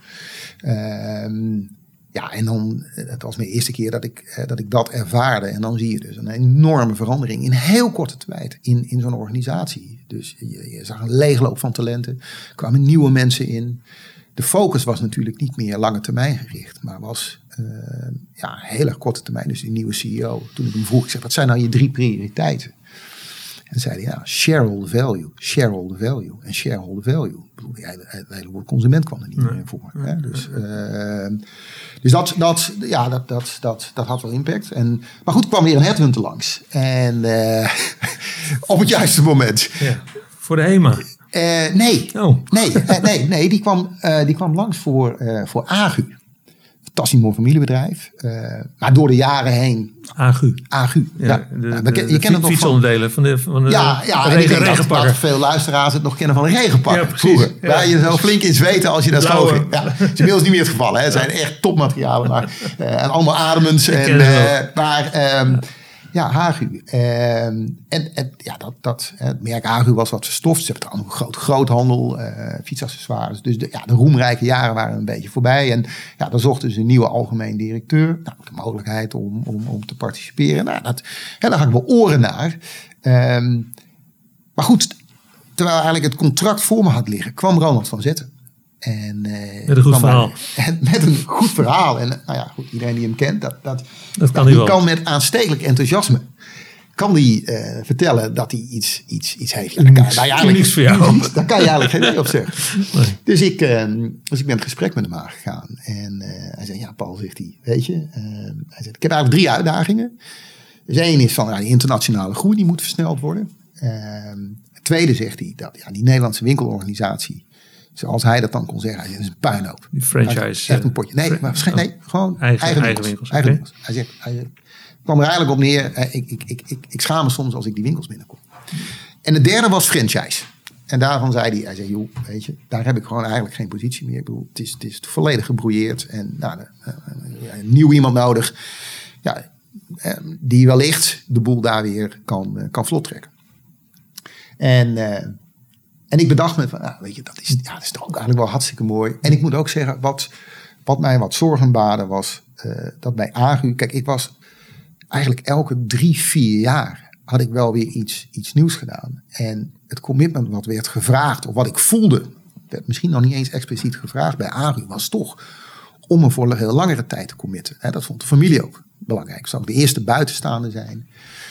En, en dat idee benauwde, me, benauwde me toch een beetje. Dat ik denk, ja, ga ik, ga ik dat nou doen? Daar nou een pensioen eh, halen in plaats ja, Ja, hè, dat, dat uh, kun je zo groot of zo klein maken wat je wil. Maar dan, daar had ik een soort beeld bij dat ik denk, ja, nee jongens. En ik vond ook niet, dat kan ik ook niet maken. Als, ik kan niet zeggen van, joh, ik ga drie jaar en dan zie ik het wel. Als dit de verwachting is, dat wilde ik niet. Dus toen ben ik bij HEMA uh, aan, uh, aan de slag gegaan. Dat was het, de, de, de nadagen van Ronald van Zetten. Dat was de laatste ja, jaar. Maar dat, dat, wist je natuurlijk ook niet. Dat wist ik niet. Nee. Sterker nog, ik had natuurlijk wel het nodige gelezen en, en, en, en gehoord. En nou ja, dat, dat ook niet alles koekenij was in de organisatie en, en binnen dat directieteam. Maar goed, al pratende met Ronald en ook met Lion Capital, bleek dat er, nou, pak een beetje drie kwart jaar daarvoor, was er, was er net een nieuwe strategie was er gelanceerd. Er waren allemaal consultants, allemaal bankiers binnen geweest. En nou, eh, ook Ronald en ook, ook Lion zei van, joh, we zijn ervan overtuigd dat we het bedrijf op korte termijn niet kunnen verkopen. Dus de horizon verlengen we. Laten we nou eens een vijfjaarsplan laten we neerleggen. Dus dat gaf mij toch redelijk comfort. Hè? En, en ja, ik had ook wel aan Ronald gevraagd. Want ik, ik, kan me ook wel hechten aan mensen. Ik zeg, nou, hoe lang zit jij er nog? En, ja, hij was oprecht. Hij zegt, joh, je, het valt nog zoveel te doen. Zo'n mooi merk. En het was natuurlijk ook Mr. Hema. Hè? Dus hij, hij was vergroeid natuurlijk met het, met het merk ook. En... Uh, dus zo ben ik gestart. Maar ja, dat was. Was, was de film toen uit over hem, de documentaire? Ja, ja, ja, ja. ja hè, en over in China met, met, met, met, met de stroopwafels. Ja, fantastisch, mooi natuurlijk. En, uh, dus dat droeg ook wel bij aan het beeld. Want ik dacht, ja heerlijk, we kunnen gewoon internationaal gaan pionieren. En uh, daar had hij ook echt leuke plannen voor. We zijn ook, ook heel snel naar Amerika gegaan. Naar de VS, om te kijken of we daar uh, winkels konden openen. Maar wat ik toen ja, niet, niet wist en ook niet kon weten, en hij zelf ook niet, dat ik denk dat ik in oktober 2014 gestart ben. En in april 2015 was hij weg. Was hij weg. Maar niet alleen hij binnen zes maanden was dat hele directieteam was, uh, was weg. En een deel van de RWC die was, uh, was vervangen. Dus ik keek gewoon eens een keer goed naar links en rechts. Ja, was ik was de enige die nog, uh, nog zat. en met vervolgens ook nog eens een keer, ik weet dat, Roland zei me dat, en Ad Walter was toen CFO. Die hadden iets soortgelijks al meegemaakt bij, ik denk dat het Praxis was. En die zei, joh Paul, dit gaat geen leuke tijd worden. Dus als we je één advies mogen geven, uh, en ik moet wel zeggen, Ronald, die, die zei nog wel, ja weet je, het is natuurlijk nog steeds een mooi merk, hè, dus ik, ik laat aan jou. Maar denk goed na of jij hier nou moet blijven. Maar goed, ik was net, net, ja, ik was net aan de slag gegaan, ik was net begonnen. En, uh, en ik was ook wel weer nieuwsgierig. Ik denk, nou, wat, wat, wat, wat gaat dit nou opleveren? Ja. Maar ze hadden me gezegd, ze zegt, nou, en, en, en, en, en ook altijd, uh, Alt Walter, die, die, die had dat goed voorspeld. Hij zei, nou let op, hij zegt, het eerste wat ze gaan doen, is meer een blik consultants opentrekken. En, en dan ben je een jaar verder. Ja, en ik weet nog dat ik zei, joh, weet je, dat, dat geloof ik niet. Het ligt nou, dat hebben ze net gedaan. Ligt, ligt, ligt een plan, ligt een visie. En misschien willen we hè, versneld willen we dan uiteindelijk afscheid nemen van de HEMA. Maar dat, dat, dat kan ik me niet voorstellen. Dat vind ik zo'n zo'n waste of money. Uh, en energie. Maar dat bleek natuurlijk wel het geval. Het was, het was, het was, ik had het nog niet gezegd. Of, of er was inderdaad vanuit Boxwood dus een hele groep Engelse consultants die, uh, die, uh, die binnenkwamen. Ehm, en inderdaad, gewoon ja, dat bedrijf uh, overname. Ehm, en dan had ik het geluk dat, kijk, ik de pech dat al vrij snel duidelijk werd, nou, die internationale expansie, daar, die zetten we even on. Ehm, maar ik had geluk dat voor de, de winkelorganisatie in Nederland, en ik moet er even bij vertellen, ik zei dus er zijn drie opdrachten, hè, internationale groei, uh, turnaround van die winkelorganisatie in Nederland. Franchise. En daar kwam al snel bij uh, uiteindelijk zeg maar weer het op gang krijgen van België. Dat was eigenlijk de tweede markt. Het was al, al jaren dalende. Uh, en daar lagen toch wel een groot aantal mogelijkheden, vond ik, om, om daar weer groei in te brengen. En ik had voor België en voor die winkeloperatie had ik een goed plan. Dus die consultants die binnenkwamen, waren allemaal experts op een specifiek gebied. In supply chain, in, in commercie, maar ook in, in, in winkeloperatie. Um, ja, daar had ik vrij snel een goede klik mee. En dan had ik een afspraak meegemaakt. Ik zeg, nou prima. Ik zeg, je bent hier binnen. Ik zeg, ik ga met je samenwerken. Nou, dat vroeg hij ook. Zeg, maar ik wil met je afspreken dat ik wil niet vanuit de aandeelhouder uiteindelijk horen dat er een aantal zaken niet goed zijn. Dat vertel jij me. En dan, en dan kan ik vervolgens zeggen, dan weet je, dan gaan we maar werken of niet. Ik zeg, maar dat moet de deal zijn. En daar heeft hij zich ook aan gehouden. En ik had samen met mijn team eigenlijk een goed plan liggen. En dat heeft hij ook bekrachtigd. Dus in plaats, hè, je zag in, in alle disciplines, ja, op een gegeven moment werd natuurlijk een nieuwe strategie werd geformuleerd. Was Tjeerd nog binnen? Die kwam vrij snel na, um, na Ronald kwam die binnen. Ik, ik durf de tijdslijn niet precies te zeggen. Ik weet wel dat, dat in die tussentijd was Andrew Jennings. Die was eigenlijk nog ten tijde toen Ronald er zat. Was die binnengehaald hè, als een soort, soort retail corrivé. En ik denk dat hij in het begin, maar ik denk vrij snel dat, uh, ja, ik denk dat vrij snel Cheer toen, dat die overgang vrij snel is geweest. Ja, ja, ja, ja. En je hebt uh, geen spijt gehad dat je bent gebleven toen? Nee, nee, nee. nee. Ik, ik, ik, Nee. En hoe heb je dat ervaren? Je hebt dan eh, Ronald uh, een klein jaar mee, nou half jaar meegemaakt. En ja. toen Cheert, was het dan heel anders? Een heel andere manager, een andere directeur? Ja, het, het, zijn wel, wel verschillende personen. Maar ik denk dat met name, niet zozeer de persoon zelf. Hè, want ik bedoel, uh, nou ja, dat, dat, het zou je niet verbazen, maar ik ben gewoon, ik, ik, heb, ik heb autonomie nodig. En ik moet ook de vrijheid hebben om ja, te zeggen op het moment dat, dat, dat, dat ik vind dat dingen goed zijn of niet goed zijn. En dat had ik zowel bij Ronald als bij, uh, bij Cheert. Die, die, die hebben echt die ruimte wel gegeven. Maar ik denk dat de verandering van CEO stond voor veel iets fundamenteels natuurlijk. En dat was dat Lion Capital besloten had om in plaats van een wat langere horizon op zo'n kort mogelijke termijn het bedrijf te gaan verkopen. En dat geeft een hele andere dynamiek. En je kunt je ook voorstellen dat, en, en nou ja, goed, ik raad uh, de luisteraars aan een boek over HEMA te lezen. want dan hoeven we dat hier niet allemaal te herhalen, maar daar staat veel in. Um, maar Ronald was natuurlijk per definitie iemand, ja, die ging, die ging lekker zijn eigen gang. En, uh, en ik weet nog goed dat mijn allereerste vergadering in, in Londen bij Lion Capital ik was natuurlijk gewend bij Ahold. Dat, dat, over het algemeen ging het allemaal toch vriendelijk en beschaafd. En, en, met die Fransen en die Engelsen bij Darty, dat, dat had je een RWC-vergadering. Ach joh, dat was allemaal vriendelijk en beschaafd. Dus ik kom die eerste vergadering bij Lion. En ja, de vonken vlogen letterlijk over tafel. Dus ik ga die vergadering De butchers. Ik, kijk Ronald aan. ik zeg, ja, maar het, het was niet eens butchers. Het was, het, het, nou ja, er was gewoon openlijk een frictie natuurlijk. Mm. En uh, ja, daar was geen sprake van, joh, weet je, laten we het laten we nou... Even samen doen. en ik weet nog heel goed dat Ronald... Ik zei, Ronald, wat gebeurt hier? Hij zei, nou, één ding, Paul. Hij zegt, Dit is heel normaal. Nee, hij zei van... Uh, hij zegt van, moet je luisteren. Ik als CEO en wij als directie staan voor het belang van HEMA. Dat we een eigenaar hebben. Hè, en dat hij ook stakeholder is. En dat hij toezicht houdt op uiteindelijk de strategie, dat is prima. Hij zegt maar, ik ben statutair directeur en er is maar één directie en die gaat uiteindelijk over de strategie van HEMA. En dat heeft hij altijd volgehouden. Alleen, er kwam natuurlijk een moment dat Lion Capital dacht, ja maar weet je, daar zijn wij klaar mee. En in het hele anglo-saxische private equity denken, ja weet je, ik bedoel, dat bestaat ook natuurlijk niet. Uh, dus hoezo? Wij zijn de eigenaar. En daar is natuurlijk uiteindelijk een machtswisseling geweest. Kijk, überhaupt binnen Lion Capital zijn de nodige veranderingen doorgevoerd. Maar ja, uiteindelijk is Ronald daar ook gewisseld. Ehm, met als belangrijkste reden toch wel. Van ja, weet je, het is, we hebben een ander plan. We willen nu op zo kort mogelijke termijn verkopen. En dan, dan willen wij niet een, een directeur, een CEO of een directieteam hebben die ons gaat vertellen van joh, weet je, dat is alles goed en wel, maar we doen het toch echt op onze manier. Daar gaat ze natuurlijk geen trek meer in. Um, en dat betekent per definitie dat de persoon die Ronald opvolgt geen kopie van Ronald is. Dat kun je natuurlijk ook wel. Hè? En uh, dat moet iemand zijn die enerzijds de, de, de, de Anglo-Saxische cultuur begrijpt uh, en zich daar ook prettig bij voelt. En uiteindelijk dat plan wat Lion had, ja, zou gaan uitvoeren. En ik, dat, dat snap ik ook vanuit het perspectief van Lion. Kijk, jij en ik kunnen er alles van vinden. Ik bedoel, ik vind uiteindelijk is het een vorm van private equity die funest is. Natuurlijk voor, of nou een retailmerk is of een gewoon merk. Maar goed, uh, ze overtraden niet de wet. Hè? En, en, dat is een heel ander stuk, daar hoeven we nu niet over te hebben. Maar ik vind dat wetgeving in Nederland daarop aangepast moet worden. Uh, en vergis je ook niet, ik ben, we zijn nu ook eigendom van, uh, van private equity. Dus er zijn verschillende vormen. En, en, en vaak gaat het heel goed en, en, en dragen ze echt bij.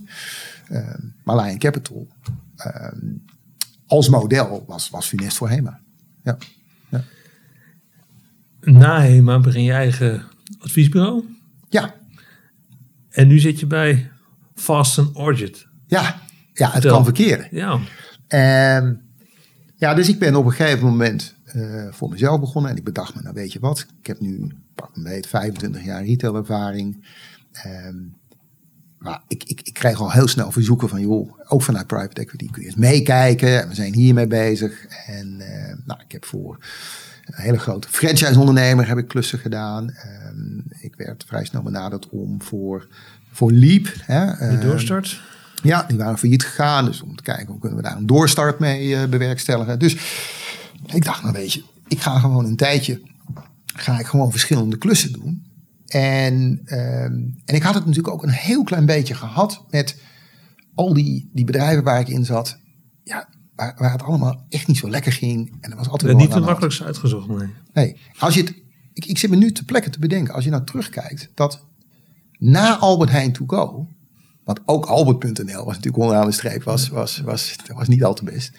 Uh, heb ik eigenlijk alleen gewerkt voor bedrijven die verlies laten. verlies laten of in diepe shit zaten. Hè? En, um, en daar was ik ook goed in, om, om die weer aan de praat te krijgen. Maar ik kwam er wel achter, en met name ook mijn vrouw zei dat op een gegeven moment. Ze zei, ja, maar weet je, dat is toch eigenlijk helemaal niet leuk. En ik dacht, ja, nee, dat, dat, dat, dat is natuurlijk ook wel zo. Want het is veel leuker om een business te bouwen. Ja. En elke keer. En ook in die opdrachten die ik daarna deed. Dan zei ze, Paul, we hebben, we hebben een turnaround nodig. Maar dan kwam ik er natuurlijk achter. Dat, ja, dat was een bedrijf wat, hè, al dan niet in retail, die, die, die, die, die slecht ging. Maar turnaround bestond er eigenlijk uit. Kun je ons helpen het bloeden te stoppen? Maar het hele idee wat daar daarna moest gaan gebeuren. En of je dan een duurzame toekomst kon bouwen. Ja, daar was helemaal geen sprake van. Daar is vaak ook geen geld voor. Dus kun je, eigenlijk was de vraag vaak, kun je, kun je, kun je ons helpen om het klaar te maken voor verkoop? En ja, wat dan een nieuwe eigenaar mee doet, ja, dat is weer. We hopen dat er een idioot is die uiteindelijk zeg maar dit bedrijf koopt. En, uh, maar goed, uh, even terug naar, uh, uh, naar, naar de vraag. Dus ik, ehm, ja, en toen ben ik, dus, toen ben ik op commissariaten, verschrikkelijk leuk. Hè? dus bij AGU aan de slag gegaan. En toen ben ik nu voorzitter van de RVC uh, bij Bravilor. Heel mooi. Internationaal. Ja, koffiezetapparaat. Wereldwijd. Ja. Uh, uh, super gaaf. Wordt natuurlijk wel geraakt door de corona. Maar eh, en ook totaal verschillend weer dan Agu, die een enorme boost heeft gekregen door, eh, door corona. Iedereen is gaan fietsen. Hè? En, uh, uh, nou ja, en op een gegeven moment werd ik hier, ik denk, nou, wat zal het zijn, de eerste helft vorig jaar door, door, werd ik door Boer en Kroon benaderd. En zeggen, nou, we hebben een bedrijf, dat, dat, nou ja, dat heeft een aantal uitdagingen, zoals het dan netjes heet. En een Franse eigenaar. Nou, daar heb jij ervaring mee. Dus kun jij, kun jij eens kijken of, of, je, of, je, nou ja, of je daar Ken je het bedrijf? Nee, nee, nee, nee. Kun je even heel kort aangeven wat jullie doen? Ja, dus wij, hebben, uh, wij zijn Orchard en, en, en Fasten. We hebben eigenlijk twee, uh, twee poten. In de eerste plaats, wat wij doen, zijn turnkey concepten voor de, voor de beauty-industrie en, uh, en de beauty-retail-industrie. Dus je moet je voorstellen dat wij voor een aantal retailers echt nieuwe beauty-concepten ontwikkelen. Uh, van begin tot het eind. Dus van, van, van idee tot ontwerp tot nou ja, oplevering, zodat je het op het schap kan zetten. En de tweede poot is, is echt trading uh, en ontwikkeling op het gebied van verpakkingen. Uh, dus uh, wij leveren verpakkingen en met name ehm, eigen innovaties in verpakkingen aan, ook weer met name aan, aan de beauty-industrie. En, en klanten van ons zijn dan ofwel grote merken ofwel, ofwel retailers. Ehm, nou goed, eh, eigen, hebben twee kantoren. Dus ik heb een kantoor in uh, Naarden en hier in Hoorn. Ik heb een eigen inkooporganisatie in China zitten van 28 man. Uh, kantoor in Toronto in Canada. Uh, kantoor in, in Parijs. Ehm, nou ja, en, en, en waar we nu mee bezig zijn is om, het waren eigenlijk allemaal afzonderlijke entiteiten, om er één groep van te maken, de IBG-groep. Nou, eigendom van PI, hè, private equity. Uh, er zit nog een groot moederbedrijf achter, dat is Albea, een wereldwijd groot concern in uh, verpakkingen. Uh, nou, en eigenlijk zit ik dus, je zou kunnen zeggen, ik zit dus nog steeds met een, met een, een force been in de retail, maar nu aan de andere kant van de tafel. Ja. Ja. Mooi. Ja, en als jij dan nu in deze functie, we gaan zo afronden, want dan worden we heel lang. We zijn nu al, denk ik, op het moment dat we okay. de langste podcast eh, van de serie zijn. Goed, als mooi we, record. Ja. zeker. Maar als je kijkt naar, naar wat je nu doet, hè, en, en welke, wat zijn dan voor jou de retaillessen uit jouw eh, lange carrière in retail, wat jij echt nu goed kan doen? Je zit aan, kan toepassen. Je zit nu aan de andere kant van die tafel. Ja. Uh, wat maakt het voor jou dan nu dat je bijvoorbeeld ja, succesvoller kunt zijn dan iemand anders die niet in de retail heeft gezeten? Uh, ja, goede vraag. Nou, ik, ik denk dat in de eerste plaats uh, je spreekt de taal van de retailer. Je hebt daar natuurlijk zo lang gewerkt. Je, je, je weet de uitdagingen, je weet de kansen, uh, je kent het jargon. je kan van tevoren al bedenken, hè, op het moment dat je het gesprek aangaat, joh, wat zijn de argumenten. Maar, dus dat is één. Ehm, en in die inmiddels is het al bijna 30 jaar hè, uh, dat ik erin zit. In al die tijd heb je, ik noem dat altijd, ja, een rugzak van ervaringen heb je, heb je opgedaan. En, en dus steeds vaker pak je, hè, als je ergens iets tegenkomt, pak je die ervaring eruit. En soms zijn ze heel simpel. Hè. Bijvoorbeeld, we hebben iets ontwikkeld voor een retailer waarbij het team van tevoren onvoldoende had nagedacht. Hoe, hoe het uiteindelijk zeg maar, op het schap dan gepresenteerd zou moeten worden. Ik denk, ja, weet je, voor een retailer, dat is, dat is, dat is appeltje eitje. Maar um, het, het, zijn soms ook hele basale, simpele dingen. Die als je gewoon langere tijd in retail hebt gewerkt, simpel zijn. Maar die je hier kan toepassen. Voor welke retailketens werken jullie nu onder meer? Nou, ik zou bijna zeggen, hè, welke, welke niet. In, in Nederland eigenlijk wel de meeste retailers. En, maar uh, ik zag al wat dingen voorbij komen van zowel Action als van ja, uh, Rituals. Ja, spreken. ja, hè, van, ja. Van, van Action tot, uh, tot Rituals. nou, voor de HEMA. Maar ook internationaal. Walmart, ehm, Uh, al de UK. Uh, zijn nu bezig om te kijken verder naar de Duitse markt. ben bezig nu in, in, in Frankrijk bij een aantal grote retailers. Uh, en dat is ook het leuke. Uh, hè, en en nou ja, weet je, je kunt hier echt al je ambitie kwijt. Ja. Eigenlijk is het wereld ons, ons, ons, ons speelveld. En we hebben een, een dusdanige unieke propositie. Plus natuurlijk al een klantenportfolio. Als je kunt zeggen dat je voor deze en deze retailer werkt. Ja, dan, dan, dan, dan krijg je ook wel een voet tussen de deur. En een winstgevend bedrijf. En het is inderdaad, ook dat is heel erg fijn. Het is een winstgevend bedrijf. Het is een bedrijf, ik, ik, heb, ik heb iets van twintig nationaliteiten. Heel jong bedrijf ook nog. Heel veel ruimte om uh, te ondernemen. en ook een, ook een eigenaar die dat graag wil. Dus um, er zijn heel veel nieuwe mogelijkheden, tot, tot met eigen merken. Tot, ik koop nu in, in onder meer China, ook wel in Europa. Maar het, die Chinese markt is natuurlijk ook een fantastisch interessante markt. Mm.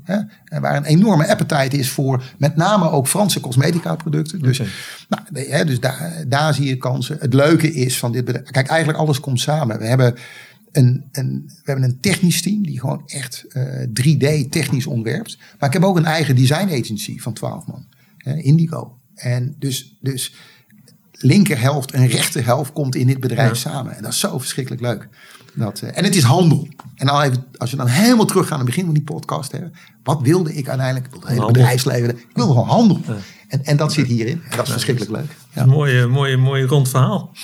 Als wij nu gaan afronden. Hè, hoe zie jij de toekomst van retail? Als je, nu, je staat er nu iets buiten. Ja. Uh, je levert aan retail. Ja. Uh, heb je daar een beeld bij?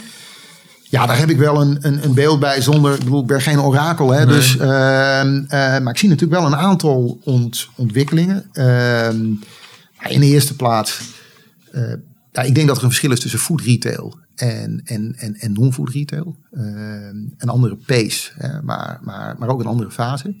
Eh, ik zie natuurlijk de opkomst van met name de techbedrijven, de alfabets van deze wereld, de Amazons, ehm, die ik denk nog wel veel verder veel meer disruptie gaan, gaan teweeg brengen. Ehm, dus dat, dat voorspel ik. Ehm, ik denk ook dat er nog heel veel disruptie komt van, van nieuwe businessmodellen. Die misschien helemaal niet winstgevend zijn. Maar goed, die natuurlijk wel impact zullen hebben op, op de retail business uh, zelf. Um, ik vind het leuk om, om af en toe een beetje contrair te denken. Hè? Dus, en, en, en, ik spreek gelukkig nog veel mensen in de retail. En ik wil af en toe ook nog voor adviesopdrachten worden ingehuurd. En, en ik zeg ook wel eens van, ja, weet je, als je nou kijkt naar bijvoorbeeld zo'n Amazon. Ik bedoel, als je, als je kritisch kijkt, waarom zouden zij geld moeten verdienen met de verkoop van producten? Is dat misschien niet verschrikkelijk ouderwets?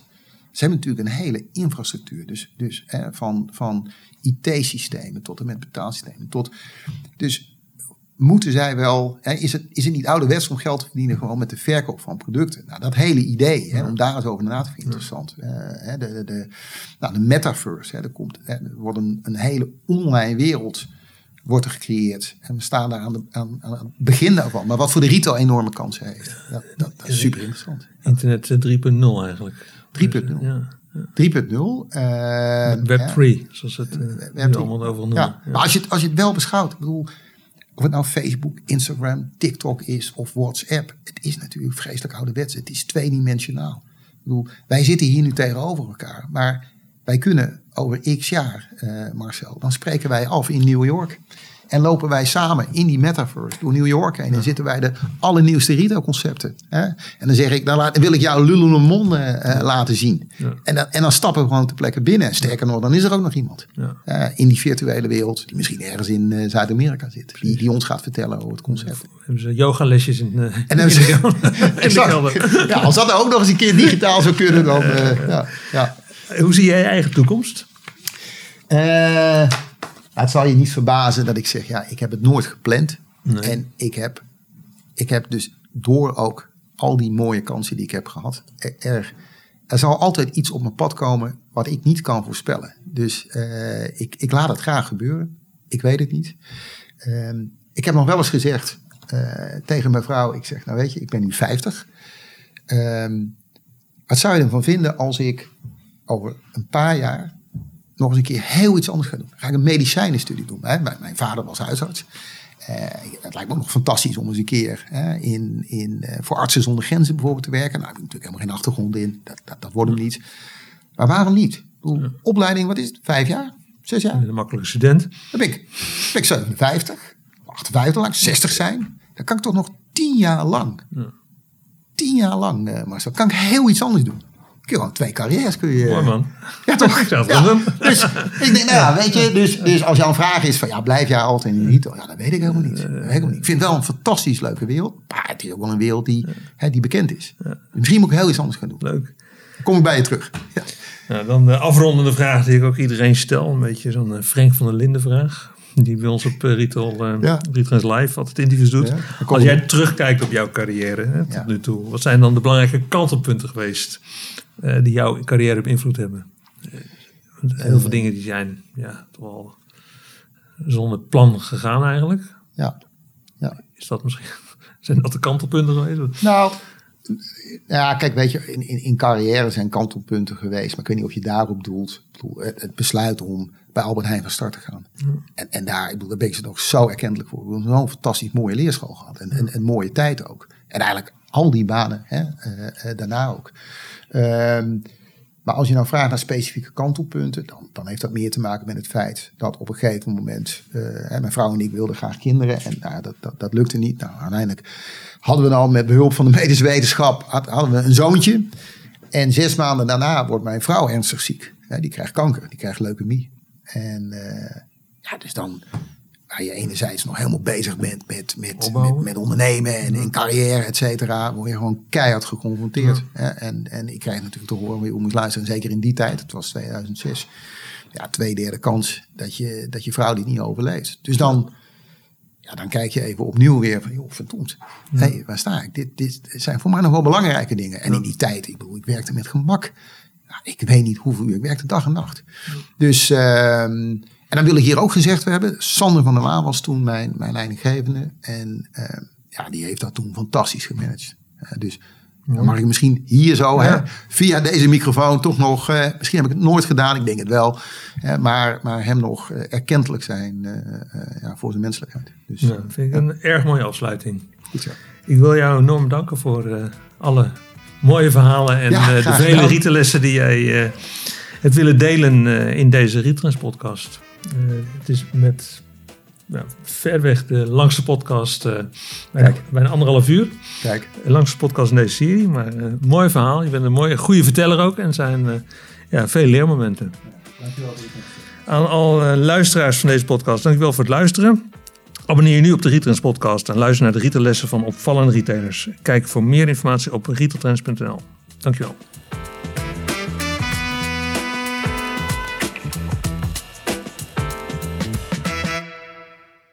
Don't miss, match! Building Blocks zorgt dat jouw boodschap wel op een relevant moment en door de juiste consument wordt gezien. Onze slimme personalisatietechnologie zet jouw klant centraal, zodat jouw business groeit. Kijk op buildingblocks.com. Building Blocks, the number one in consumer AI.